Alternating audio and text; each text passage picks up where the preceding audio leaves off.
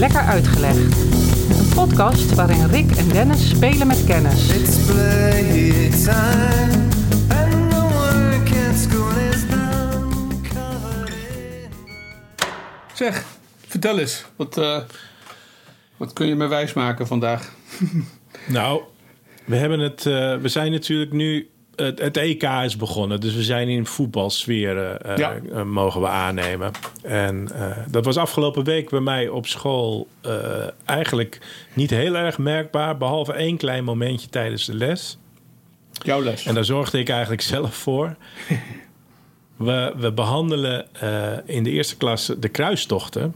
Dus eh, nou ja, daar hebben we het over religieuze oorlogen. En er was een leerling, Max, die stak zijn vinger op en die eh, zei van... meneer, ik heb gelezen dat 70% van alle oorlogen eh, een religieuze achtergrond hebben. Of in ieder geval met religie te maken hebben. Nou weet ik niet of dat klopt, maar op zich prima opmerking. Maar mijn reactie was eigenlijk, omdat ik dat niet kon bevestigen of ontkennen, eh, zei ik van ja, maar behalve de voetbaloorlog. En toen had je natuurlijk een heel aantal grote ogen in de klas van de voetbaloorlog. Echt waar? Wat is dat dan? Ik- jij vertelt wel eens vaker over school dat voor ons, voor jou en mij, het kan ook een leeftijdskwestie zijn, maar ook een generatiekwestie. Ja. Hele triviale dingen, zoals mijn naam is Haas, Mhm. of dit geval voetbaloorlog, toch op een, wat zal ik het noemen, een lege, aantal lege blikken komt te staan. eh, als ja, tuurlijk, tuurlijk. Maar, maar ken jij de voetbaloorlog? Heb je daar wel eens van gehoord? Er zijn meerdere voetbaloorlogen eh, gevoerd. In de zin dat eh, een van onze oude bondscoaches dat gebruikte als eh, uitdrukking. Ja, op het veld, inderdaad. Ja. In de zin, eh Rinus Michels, de bekende uitspraak... eh, voetbal is oorlog. Ja. En, eh, nou ja, dat, eh, dat heeft geen windeieren gelegd. Want dat vertel ik dan ook wel in de klas natuurlijk... dat we in 88 het- dat ik het kampioenschap meegemaakt heb. Ja, en jouw klas, eh, jouw klas niet. Nee, nee die, die, die, hopelijk maken ze dit jaar mee. Het, eh, Ja. ik, ik weet bijvoorbeeld nog waar ik, hoe ik het gevierd heb. Weet jij dat nog? Ja, dat was in, na het einde van mijn eerste studiejaar. En ik Ja. was toen in een. Het was een tijd waarin zoveel gebeurde met mij en thuis. En nou ja, dat ik op de dag van de wedstrijd volgens mij gewoon aan het reizen was. Ah, dus niet, niet bewust een, een, een feestmoment eh, beleefd. Nee. Ja, ik, ik, herinner me met, ik, ik herinner me met mijn neven zittend achter in de, eh, eh, de, de achterklep van een auto. De klep open. Wij zaten daar met ons kont in de, in de kofferbak en, en met vlaggen, Nederlandse vlaggen eruit. En zo gingen wij door het dorp, door Ursem heen. Zwa. Hey, maar ik, eh, ik ga wel even toe naar, naar die voetbaloorlog in 1969. Want daar, daar doelde ik op, naar die opmerking van die leerling. Dat was een oorlog eh, eh, tussen El Salvador Ah. en Honduras. Ja. En daar, daar dacht ik van, nou, dat, dat zou ik nog wel eens een keertje lekker willen uitleggen. En dus heb ik, eh, ben ik daar een beetje ingedoken. En qua beleving moet ik nog wel even een, een kleine anekdotische noot aanhalen. Heb ik wel iets meegemaakt in Centraal-Amerika wat met voetbal te maken heeft. Hoe, de- waardoor ik wel een beetje een gevoel heb voor eh, hoe gepassioneerd men daar naar voetbal kijkt. En dat is eh, in 2005 geweest. Toen was ik als reisleider, trok ik door Centraal-Amerika. En toen was ik in Guatemala, het, het buurland van Honduras en El Salvador. En daar eh, was ik getuige van een kwalificatiewedstrijd voor het WK tussen Guatemala en Mexico. Zeg maar een soort eh, wedstrijd. En ik beleefde die op een hacienda waar ik samen met het personeel... eh, hacienda is een beetje zo'n grote eh, farmachtige, ranchachtige Ja. eh, iets. En daar zat ik met het personeel, zat ik ook in de personeelsverblijven. En er was een heel klein televisietje. En we zaten daar, ik denk met, met 20 man, zaten we daar te kijken naar eh, Guatemala, Mexico. En een onvergetelijke ervaring. Hoe, hoe dat daar leeft. Nou, het was echt eh, kippenvel. Ze verloren 2-0 van Mexico. Ze hebben ook het WK niet gehaald, Guatemala. Maar eh, ja, dat, was, eh, dat is echt wel even iets anders dan, dan wij het gewend zijn. Of althans, dat, dat ik het gewend ben. Het is dat je het inderdaad zo schetst. Ehm, toen Nederland in 74 meedeed met het WK, ja, ontstond er iets van, iets van een gekte, iets van een Hmm. beleving. Ik wil het niet eens gek te noemen. En toen ik een paar jaar later in de laatste klas van de lagere school zat en de hoofdmeester mij vroeg: Jongens, welke landen zijn gepassioneerd met voetbal? Dus ja, wij allemaal. Nederland, Duitsland. En Ja. toen had ik nog helemaal in de gaten wat jij nu schetst van Midden- en Zuid-Amerika. Daar is het. Ja, Ja, de, Wollt je den totalen waanzin? nou, dat is daar ja, wel. Ja, ja. Ja, daar komt het behoorlijk mee in de buurt. Kijk, het zijn sowieso eh, passievolle mensen. En we gaan straks ook wel zien, hè, als we kijken, als we naar die voetbaloorlog en de aanleiding en alles toe gaan. eh, ja, dan kan je ook wel een beetje snappen dat voetbal een aanleiding kan zijn om de wapens op te pakken. Wat dus ook daadwerkelijk gebeurd is eh, tussen deze twee landen. Maar passie voor de balsport, voor het voetbalspel, dat is enorm in Centraal-Amerika. Ik wil even met je kijken naar de beide eh, hoofdrolspelers, dus de landen, en een klein beetje de geschiedenis eh, daarvan schetsen. Klein Zodat beetje we, dan. eh, Klein beetje. Wat zeg je? Klein beetje dan. Ja, zodat we een beetje een beeld hebben van waar komt dat vandaan, hè? Die, die, die opvliegendheid van die twee landen. Ja, niet dat we zo Nou, meteen een exposé krijgen van de geschiedenisleraar die twee eh, blokuren moet vullen, gaat vullen met alleen maar een verhaal over Honduras, dan wel El Salvador. Die waren het, hè? Nou ja, het, het is reuze interessant, dus misschien, eh, misschien tik ik het even aan. Dat is goed. Eerst eventjes kort iets over eh, El Salvador. Eh, klein land, een beetje de helft zo groot als Nederland. En bijna volledig katholiek. Grenzend aan Guatemala en Honduras. En gelegen aan de Grote Oceaan. San Salvador, hoofdstad. Ehm, en belangrijk, van oudsher eh behoorde het toe eh, tot het Maya-gebied. Dus je hebt daar nog een paar prachtige Maya-ruïnes eh, die je kan bekijken. Even van belang is dat die cultuur die eh, daar leefde toen de Spanjaarden kwamen, dat was de, waren de Pipiel-Indianen. De wat? En de, de Pipiel-Indianen. Nooit van gehoord. Ik ken toch wel redelijk eh, door jou en door andere interesses, andere mensen die ik ken. Pipiel. Oké. Wat waren dat voor gasten? Nou, ik, ik, dat, ik kan je wel even wat. wat eh, dat je denkt: oh ja, nee, dan heb je een idee. De Pipiel spraken bijvoorbeeld na wat. Oh, dat ken ik. Dat kennen we uit eh, aflevering 1 van de podcast. En na wat is weer een afgeleide van het nawattel... waar we eh, in die uitzending eh, over gesproken hebben. Dus die hebben, zeg maar, even heel simpel gezegd... een gemeenkomstige origine. En die ligt in de Maya-cultuur. Nou, die Pipiel, die waren door de komst van de Spanjaarden grotendeels verdwenen. En Mexico wordt daar de baas als de Spanjaarden verdwijnen. En pas in 1839 worden, wordt El Salvador onafhankelijk. En het is in principe een republiek. Dus ze hebben een president. En het is ook formeel eh, een democratie. Eh, maar in de praktijk zie je dat het eh, heel gevoelig is voor dictaturen en militaire junta's. Zo, zoals het een, een, goed Centraal-Amerikaans land betaamt, eh, zou je kunnen zeggen. en Laat ze het maar niet horen. Hè? Laat ze het maar niet horen. Nee, nou ja, ze, ze zullen het zelf ook wel weten. En als we straks kijken naar Honduras, dan geldt daar eigenlijk wel een beetje hetzelfde voor. En als je de geschiedenis een beetje kent en de jaren eh, van de Koude Oorlog, die zijn jou niet vreemd en hebben vaak jouw interesse. Ja. Dan moet je dit gebied en die regio een beetje zien als. eh, eh, belangrijk invloedsgebied eh, van Amerika. Amerika speelde op de achtergrond eh, een hele grote rol. Politiek en ook zelfs met het steunen van die staatsgrepen en die militaire junta's. Hè, met het idee van verdelen en heers en anti-communisme. Dus Amerika die had daar een hele dikke vinger in de pap. Bijvoorbeeld ook in de vorm van de United Fruit Company. Misschien ook niet onbekend Nee. bij je. Mhm. Chiquita bananen eh, kennen we daarvan. Die probeerden zoveel mogelijk grond in handen te houden. En die waren eigenlijk nog invloedrijker dan, eh, dan de dictaturen die daar het regime vormden. Kan je stellen. Nu, met de kennis van nu. En, en daarom noemen ze trouwens ook Bananenrepubliek. Hè? Eh, dat komt daar letterlijk vandaan. Ja? Van, die, eh, van die Chiquita, van die United Fruit Company invloed. Oh, nou, dat is een leuk weetje.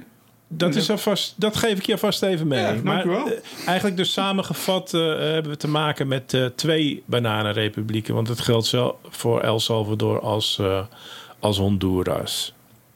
Ze zijn, en dat is het laatste wat ik zeg over El Salvador... vorige week in het nieuws geweest. Weet jij waarom? Zelfs even in het journaal. En daar zagen we het parlement eh, eh, een wet aannemen en heel hard klappen. Nee, ik volg, Nee. Het, journa- ik volg het nieuws ehm, van een Matig. zijlijn, dus ehm, nee. Nou, zij zijn afgelopen week het eerste land in de wereld die de bitcoin als officieel betaalmiddel heeft eh, Ja, oké. aangenomen. Dat heb ik wel voorbij zien komen in of Twitter of een van de andere nieuwsbronnen. Maar ik wist niet dat ze daarvoor geapplaudisseerd hadden. Ja, ja, nee, dat was dus in El Salvador. En dat hebben ze gedaan, want naast de bitcoin hebben ze de Amerikaanse dollar. En ze willen eigenlijk, want het is een ontzettend arm land... en ze willen eh, onder die armoede uitkomen... door op die manier eigenlijk eh, meer handel en meer toerisme te lokken... Ehm, nou ja, of dat de bitcoin daar het juiste middel eh, voor is, weet ik niet. Daar heb ik geen verstand van, maar Nou, dat is wel wat ze hopen. Het lijkt me niet de meest eh, eh, handige weg gegeven dat het eh, een munt is die... een muntsoort, een, een digitale die zo onderhevig is aan fluctuaties. Dat Ja. als jij een arm land bent, dan ehm, heb je de kans om heel rijk te worden, maar ook om Ja. weg te zakken daar de- Dat eerste, daar gokken ze op. Ja, dat doen veel mensen die een lot in de loterij kopen ook. Dus Ja. ja. Hey, en eh, eh, Honduras, nou, geldt eigenlijk, het is veel groter land. Dat ligt ten noorden van El Salvador en raakt zelfs ook voor een groot gedeelte aan de Caribische Zee. Dus, en ook aan de Grote Oceaan. Dus die omspant het hele oost naar west verhaal in Centraal-Amerika. Ehm, ook een Maya-achtergrond, ook katholiek. En eh, ook eigenlijk eh, gerund door de United Fruit Company in de, in de, in de tijd van de Koude Oorlog. Eh, Amerika een belangrijke baas op de achtergrond. En een, een belangrijke Maya-stad die wereldberoemd is. En daar ben ik ook zelf geweest in mijn tijd als reisleider. Is een beroemde, dat is Kopaan. Misschien wel eens van gehoord ja. belangrijke stad. Nou, ook hiervoor geldt dat ontzettend slechte economie. Eh 50% van de mensen onder de armoedegrens. En het is het meest gewelddadige land ter wereld, Rick. En nou heb ik het over Honduras. Maar is nu nog steeds Ja, nu. een eh, aantal moorden per eh, duizend of honderdduizend. Ja, Ja. ze hebben in, eh, in Honduras 90 moorden per 100.000 inwoners. En om dat even in eh, perspectief te zetten. Mexico, waarvan je misschien denkt met al die drugscriminaliteit, eh, dat is nog veel erger. Nee, die hebben er 21 per 100.000. Oh, De VS best. 5 en Nederland eh 1. Dat Zelfs is een beetje één? het Wij tikken de één nog aan. ja, wij hebben er eentje per 100.000. Dat is even de, de, de, de achtergrond van de beide landen. En dan eh, kom ik eigenlijk bij het, bij het werkelijke conflict. En met de kennis die wij nu hebben over de twee landen. En de, eh, hè, we weten hoe, eh, hoe arm ze dus zijn. Dan weet je ook dat een groot deel van de inkomsten daar komt uit landbouw. Hè, dat is de belangrijkste vorm van inkomsten. Klaprozen, Eh, Klaprozen, ja, ik weet niet of ze die daar. komen opium die bedoel ik dus. Oh, opium. Ja, dat is de associatie die ik toch ook voor een deel met Midden-Amerika heb. Het, de handel in, in drugs. Ja, dat, eh Is dat onterecht? Officieel, officieel gaat het om koffie, suiker, eh, indigo, dat soort eh, producten. Tabak. Maar officieus zal het misschien wel die klaprozen zijn. eh, waar jij denkt. Maar goed, dat, is, dat is, nou, gaan we, nou gaan we speculeren.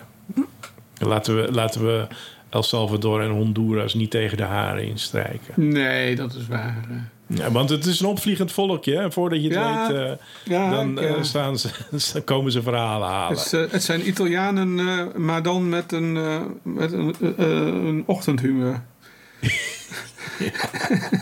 Hey, eh, 1969, we, we komen aan bij het werkelijke conflict. Ehm, er was weer een staatsgreep in El Salvador. Eh, nee, sorry, in, in Honduras. En er komt een nieuwe dictator aan de macht. En die gaat eh handjeklap doen met de grootgrondbezitters. Eh, want daar kan hij natuurlijk mee samenwerken, kan hij, kan hij wat geld van krijgen. En gevolg is dat natuurlijk de onderste in de keten voor de belastingen enzovoorts moeten opdraven. en dat zijn de boeren. Dus de boeren hebben het slecht onder die nieuwe dictator. En die komen in opstand. Ehm, nou moet je weten dat een groot deel van die boeren in Honduras waren El Salvadoranen. En daar zit de kern van het conflict. Ehm, die waren namelijk in 1932 al een keertje El Salvador uitgevlucht, omdat ze toen eh, ook deelnamen aan een opstand en door het regime in El Salvador gruwelijk werden eh, geëxecuteerd. En met die boeren die verdacht werden van opstand, werden ook nog eens tegelijkertijd eh, de inheemse uitgeroeid. Dus alles wat eruit zag als een inheemse werd opgepakt en geëxecuteerd. Dus daar vond echt een, massamoord eh, onder de bevolking plaats. Dus die pipiel die hadden het zwaar te verduren bijvoorbeeld. En eh, dat zorgde er dus voor dat een heleboel van die boeren en die inheemse eh, de grens overtrokken richting eh, Honduras. Nou, dat was hun redding. Ze kochten daar stukjes land en gingen daar aan het werk. En al met al wisten ze daar ongeveer 200.000 hectare grond in bezit te hebben en te bewerken. Nou, op zich was daar geen probleem. Behalve dus toen die nieuwe dictator, Arellano heet hij, aan de macht kwam. En eh, die boeren voor zichzelf opkwamen en in verzet kwamen. Die Arellano die was daar natuurlijk al vrij snel klaar mee. En wat deed hij? Hij eh, deed eigenlijk hetzelfde wat er gebeurde in 32. Eh, hij zei namelijk dat al die El Salvadoraanse boeren moesten ophoepelen. En daar hadden ze 30 dagen de tijd voor. Dus 1 juni 1969 moesten die eh, boeren van eh, El Salvadoraanse afkomst moesten het land uit. Toeval wil dat op 8 juni, dus een week later, een kwalificatiewedstrijd op de eh, agenda stond tussen Honduras en El Salvador. Werd gespeeld in Honduras en de spelers van El Salvador die waren in eh, de hoofdstad van Hondu- Honduras en werden al in het hotel, zoals je dat misschien wel eens vaker hoort, door, het, eh, door de fans eh, uit hun nachtrust gehouden. Dus er werd vuurwerk afgestoken, er werd van alles door de ramen geflikkerd en noem het allemaal maar op. Dus de spanning en de terreur bij het hotel was enorm. Vervolgens werd de wedstrijd gespeeld en eh, die werd gewonnen door Honduras met 1-0. Dat had een enorme impact in El Salvador. En dat werd eh, door de media lekker opgeklopt. Het verhaal ging namelijk, en het waarheidsgehalte, dat moet je denk ik met een, een kluitje riet nemen, of hoe zeg je dat? een korreltje zout. Want het verhaal ging dat er een 18-jarige meid, Amelia Bolaños, die zou zo aangedaan zijn door dat verlies van El Salvador dat ze zichzelf door het hart heeft geschoten. Nou, dan komen we al bij de prachtige mythische verhalen natuurlijk. Hè? Dat zo'n jonge meid het verlies niet aan kan en eh, drama alom. Dat doet het natuurlijk ook goed in Centraal-Amerika. En die eh, neemt zichzelf eh, van het leven. Zij wordt meteen op die dag al tot martelaar natuurlijk uitgeroepen in El, Salvador. En de kranten die staan er vol van. En eh, ze kreeg ook eh, een staatsbegrafenis. Kortom, het fikkie wordt hier in El Salvador natuurlijk al mijlenhoog opgevoerd. Hè, eh, het wordt op scherp gezet. door een kogel door haar eigen hart. Dat is ook werkelijk gebeurd? Of? Dat durf ik niet te zeggen. Kijk, ik, het- hier komt denk ik het sausje van de mythevorming... Ja. wordt hier al heel snel eh, over de gebeurtenis heen gegooid. Ehm, hè, eh, de kranten die spreken moord en brand. In El Nacional, dat is zeg maar de, de, de krant in eh, El Salvador, de belangrijkste krant, die zeggen van hè, dit meisje die kon het niet aanzien dat haar vaderland door de knieën moest gaan tegen Honduras. En uit pure ellende en heeft ze zichzelf door het hart geschoten. Ook door het hart, weet je wel. Dat, is Ja, het, ja, ja. Dat, dat, dat wekt bij mij al zoiets van dat is te mooi om, te romantisch om waar te zijn eigenlijk.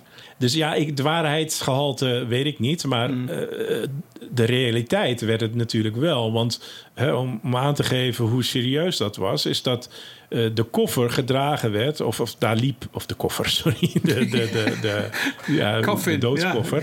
Ja. Eh, die werd, eh, daar, daar liep het elftal, nationale voetbalelftal, liep daar als prominente, eh liepen daar achter. Weet je, dus het werd meteen ook wel één op één gelinkt en gebracht als zij heeft zich geofferd eigenlijk hè, als martelaar voor, voor het nationale voetbalteam. Kijk, nu, sorry dat ik het zo mag zeggen, of sorry dat ik het zo zeg, maar nu wordt het interessant. Want kijk, dat hele verhaal van wat die landen zijn is wel belangrijk. Hè? Ehm, hoe geschiedenis en ook vooral die pipiep, pipiel. Uh, maar dat bij zo'n begrafenis dus blijkbaar het eh, voetbal, nationale voetbalteam meeloopt, dat is, vind ik toch wel. Dat, zie je dat in Nederland gebeuren? Nee, nee, maar dit. Beide dingen Ja. niet, hè? Zowel het doodschieten van zichzelf vanwege een wedstrijd als eh een Nederlands elftal dat meeloopt in de, in de begrafenisstoet. Ja, en ik denk dat eh, het feit dat het in de media, eh, de beeldvorming, eh, enorm ook op die, die strijd met Honduras wordt gegooid. Ja, en, en op die voetbalwedstrijd. Dus je begrijpt, want het was de eerste wedstrijd. Er moest nog een return plaatsvinden. vinden. nou, ga er maar aan staan. Hoeveel, hoe geladen zal dat tweede duel zijn? Nou, daar kan je natuurlijk al een beetje op vooruit borduren. Want die tweede wedstrijd die stond een week later op het programma. 15 juni. En die wedstrijd die werd in El Salvador, El Salvador gespeeld. ja. Dus de eh, spelers van Honduras moesten op hun beurt natuurlijk eh, naar El Salvador. En nou, de wraak en de terreur bij het hotel van de spelers van Honduras was misschien nog wel vele malen groter dan dat zij eh, dat hadden gedaan bij El Salvador. Dus weet je, dat wraakgevoel, eh, dat, dat speelde meteen eigenlijk bij die tweede wedstrijd al een enorm grote rol. Hè, de, de ploeg moest met gepantserde auto's naar het stadion toe. Eh, langs de route overal woedigde menig- menigtes. En eh, die hielden ook dat, een poster van dat meisje op. Hè? Dus het werd ook echt in dat beladen eh, nou ja, leven- en dood eh, perspectief eh, getrokken, kan je eigenlijk wel zeggen. Ehm, vervolgens kennen we ook uit Zuid- en Midden-Amerika. In het stadion allemaal van die, van die militairen in van die pakken met van die eh, eh, helmen op. Nou, je kan je voorstellen, dat is natuurlijk ook wel een, een behoorlijke confronterende situatie in het stadion. Dus de spanning was enorm. Nou, die tweede wedstrijd werd 3-0 voor El Salvador. Oh, kijk. De eerste was 1-0 voor Honduras. De Ja. tweede 3-0 voor El Salvador. Nou, en prompt natuurlijk na de wedstrijd rellen in Honduras. Winkels, eh, bedrijven eh, werden geplunderd. Allemaal die eigendom waren van eh, Salvadoranen. Dus het werd al meteen gericht op eh, eh, Salvadoranen zijn de vijand en die pakken we aan. Vielen zelfs een paar doden onder de eh, Salvadoranen die leven in Honduras. Kortom, het, je kan zeggen het spel was op de wagen, maar dat is eigenlijk wel het geval. En dan moest er nog een derde wedstrijd gespeeld worden, want een beslissingswedstrijd. Het, in die tijd ging het niet van eh doelpunten gemiddelde. Nee. Hè, de een heeft er één gewonnen, de ander heeft er één gewonnen. Dus een beslissingswedstrijd. Nou, godzijdank ging die naar neutraal terrein. Die moest in Mexico worden gespeeld. Maar eh, dus daar gebeurden eh, in die zin niet zo heel heftige dingen als we net hadden gezien bij die eerste twee wedstrijden. Die wedstrijd werd ook door El Salvador gewonnen, 3-2 na verlenging. Dus dat was ook super spannend. En op het laatste moment wist El Salvador die wedstrijd te winnen. Nou ja, en dan eh, eh, bleek de pleuris uit. Want een dag na die wedstrijd trekken de beide landen, het wordt politiek, trekken hun diplomatieke betrekkingen in. Dus Hondurese diplomaten werkzaam in El Salvador worden teruggehaald en andersom. Dus het wordt eh, meteen al politiek eh, eh, hoog gespeeld, hoog spel gespeeld. En een week of tweeënhalf jaar later, 14 juli, valt het leger van El Salvador valt Honduras binnen.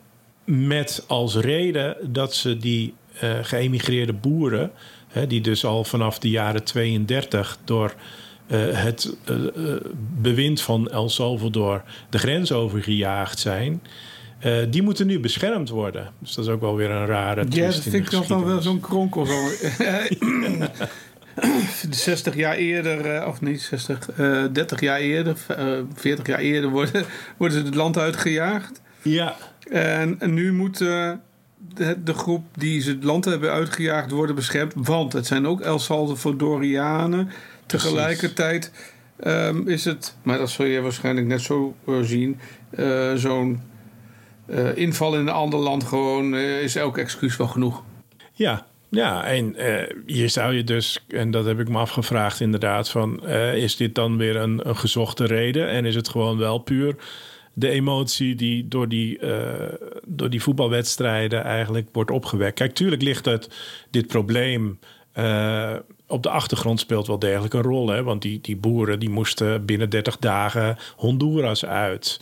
En het land wordt hen afgenomen. Dus het is wel degelijk natuurlijk een agressieve daad van de, van de politiek van Honduras naar die El Salvadoraanse boeren toe. Dus op zich is het gelegitimeerd. Maar je kunt je afvragen hè, eh, dat, dat eh, eh, de spark in, in, het kruidvat, de vonk in het kruidvat, dat is wel degelijk, denk ik, die voetbalwedstrijd geweest. Daarom hebben we het ook over de voetbaloorlog. Dan is natuurlijk de vraag, hoe liep het af? Nou, het liep. Met een sisser? Nee, nee, nee, nee, nee. Want eh, er werd eh, vier dagen, nou eigenlijk één of twee dagen, werd er behoorlijk gevochten. De troepenmacht van eh, El Salvador, 30.000 man de grens over. Duizend troepen man eh, luchtmacht. In totaal zijn er ongeveer 2000 doden gevallen, inclusief burgerslachtoffers. Dus dat is bepaald niet niks. De oorlog wordt ook wel, behalve de voetbaloorlog, de 100-urige oorlog genoemd. Dus wij hebben de 100-jarige oorlog, maar, eh, of de 80-jarige oorlog moet ik zeggen. Er is ook een 100-jarige. Maar dit was de 100-urige, dus hij heeft eh, officieel vier dagen geduurd. En eigenlijk na dag twee ehm, kwam de organisatie van Amerikaanse eh, staten eh, in, in het geweer. Die besloten om eh, de oorlog, de strijd een halt toe te roepen. En die OAS, dat is eigenlijk eh, ja, een, een, een verbond tussen, ik geloof, 35 landen in Centraal, Midden- en Noord-Amerika. Dus die hebben een, een verbond gesloten. En die zijn opget hè, onder dwang van hun, onder vergadering, onder hoofd van die OAS, eh, is de vrede eigenlijk weer getekend na vier dagen. Dus in die zin is het eh, een korte maar hevige oorlog, kunnen we wel zeggen. Net zo kort en hevig als het lontje misschien van de beide Ja. eh, landen en het volk. En de, de dimensies van een voetbalwedstrijd zaten dan waarschijnlijk ook in, het, in, in de oorlog. Maar er is ook wel weer een soort voetbaloorlog aan de gang eh, tussen de supermarkten. Hè? Tussen Daar de super... meegekregen. Tussen de... Tussen de supermarkten. Ik verstond supermarkten. Ja, dat klopt. dat zei ik. Ja, niet dat je zei supermachten, want dan denk je aan... Nee, ja, eh, nee, dat had ook gekund. Nee. De Europa Nee, joh, de- League of zo, die ze wilden, of de Super League die ze wilden oprichten eh, in dit jaar. Eerder dit Ja, jaar. de- die oorlog die is gauw van het uh, ja, precies. Maar je hebt het over supermarktenoorlog. Ja, ja, Oh, die is, eh, die het is gaat levend, om het gebeeldrechtgebruik waarschijnlijk dan. Nee, Albert Heijn is de hoofdsponsor. Ja, En die heeft een juichcape ontwikkeld. oké. En ik geloof dat de Jumbo en de Lidl en de Aldi, weet ik veel, al die andere supermarkten, die hebben nu ook een juichcape. Nou, dat is natuurlijk eh, niet de bedoeling. Zij eisen vol- volgens mij dat alleen recht op de juichcape. En nog veel bizarder is, de Jumbo, je hebt hem vast wel eens gezien, die heeft een reclame met de snollebolletjes eh, hit eh, links-rechts in de Ik reclame. weet dat die er is, maar ik weet ook dat er iets met het EK... Maar ik zie, we hebben geen televisie. Wij zijn Nou. uit de... Het is, een, het is denk ik de, de, de meeste. De, de reclame met de meeste impact, omdat die goed blijft hangen vanwege dat, eh, dat liedje van Snollebolletjes. Dat, is, eh, nogal, eh, dat blijft nogal makkelijk hangen. Dat is een doorn in het oog van de Albert Heijn. Want die beweert nu zelfs, omdat zij. Albert Heijn heeft een contract met de KNVB als hoofdsponsor van het toernooi. En zij beweren dat een aantal jaren geleden, toen was er een toernooi, het WK of het EK voor dames. Ik weet niet meer welke het precies was. En de dames die hadden toen, zeg maar, privé, als, als team in, in de kleedkamer, hadden ze datzelfde liedje van Snollebollekes, hadden ze zeg maar gekozen als lijflied. Oké, dus eh, die zongen ze dan. En eh, werd ook in een interview verteld dat ze daar eh, energie van kregen. en nu is datzelfde liedje dus staat onder de reclame van de Jumbo. En nu zegt de Albert Heijn dat dat ook eh, onrechtmatig gebruik is van een lied dat wordt geassocieerd met de KNVB, omdat de eh, dames, het damesteam dat liedje dus had verkozen tot lijflied. Nou, kan je er nog bij of niet? beetje ik had het weer. Het gaat om de commercie uiteindelijk. Maar dat is dus een voetbaloorlog in Nederland, hè? Dus ik zie mij dus al eh, een beeld opdoemen. Ik zie al een beeld opdoemen in mijn hoofd. Dat eh, de, de vakkenvullers van de Albert Heijn binnenkort eh, met eierdozen naar de Jumbo Ja. gaan en daar een veldslag ontketenen. Ik ga, ja, dat, ja, zou dit in Centraal-Amerika spelen, Rick? Dan zou dat zeker zijn gebeurd. En dan niet met eieren en Nee, nee, nee, nee. Was alles geoorloofd. geoorloofd. Eh, geoorloofd. Eh, geen goede woordspeling. Knip er maar uit. Lekker Uitgelegd is een podcast van Dennis Ai en Rick Roeland. Wil je geen uitleg missen? Abonneer je dan op Lekker Uitgelegd. Dat kan op Spotify, iTunes of in je favoriete podcast-app. Laat ook vooral een recensie achter. Dat vinden wij leuk en andere mensen kunnen ons dan sneller vinden. Lekker Uitgelegd is ook prima te volgen op Twitter, Facebook en Instagram. Wil je meer weten over deze aflevering? Kijk dan op lekkeruitgelegd.nl. En wil je reageren? Dat kan. Stuur dan een mailtje naar info@lekkeruitgelegd.nl. Tot over twee weken. Lekker uitgelegd is een klankmedia productie. En de muziek, die is van Kolbak.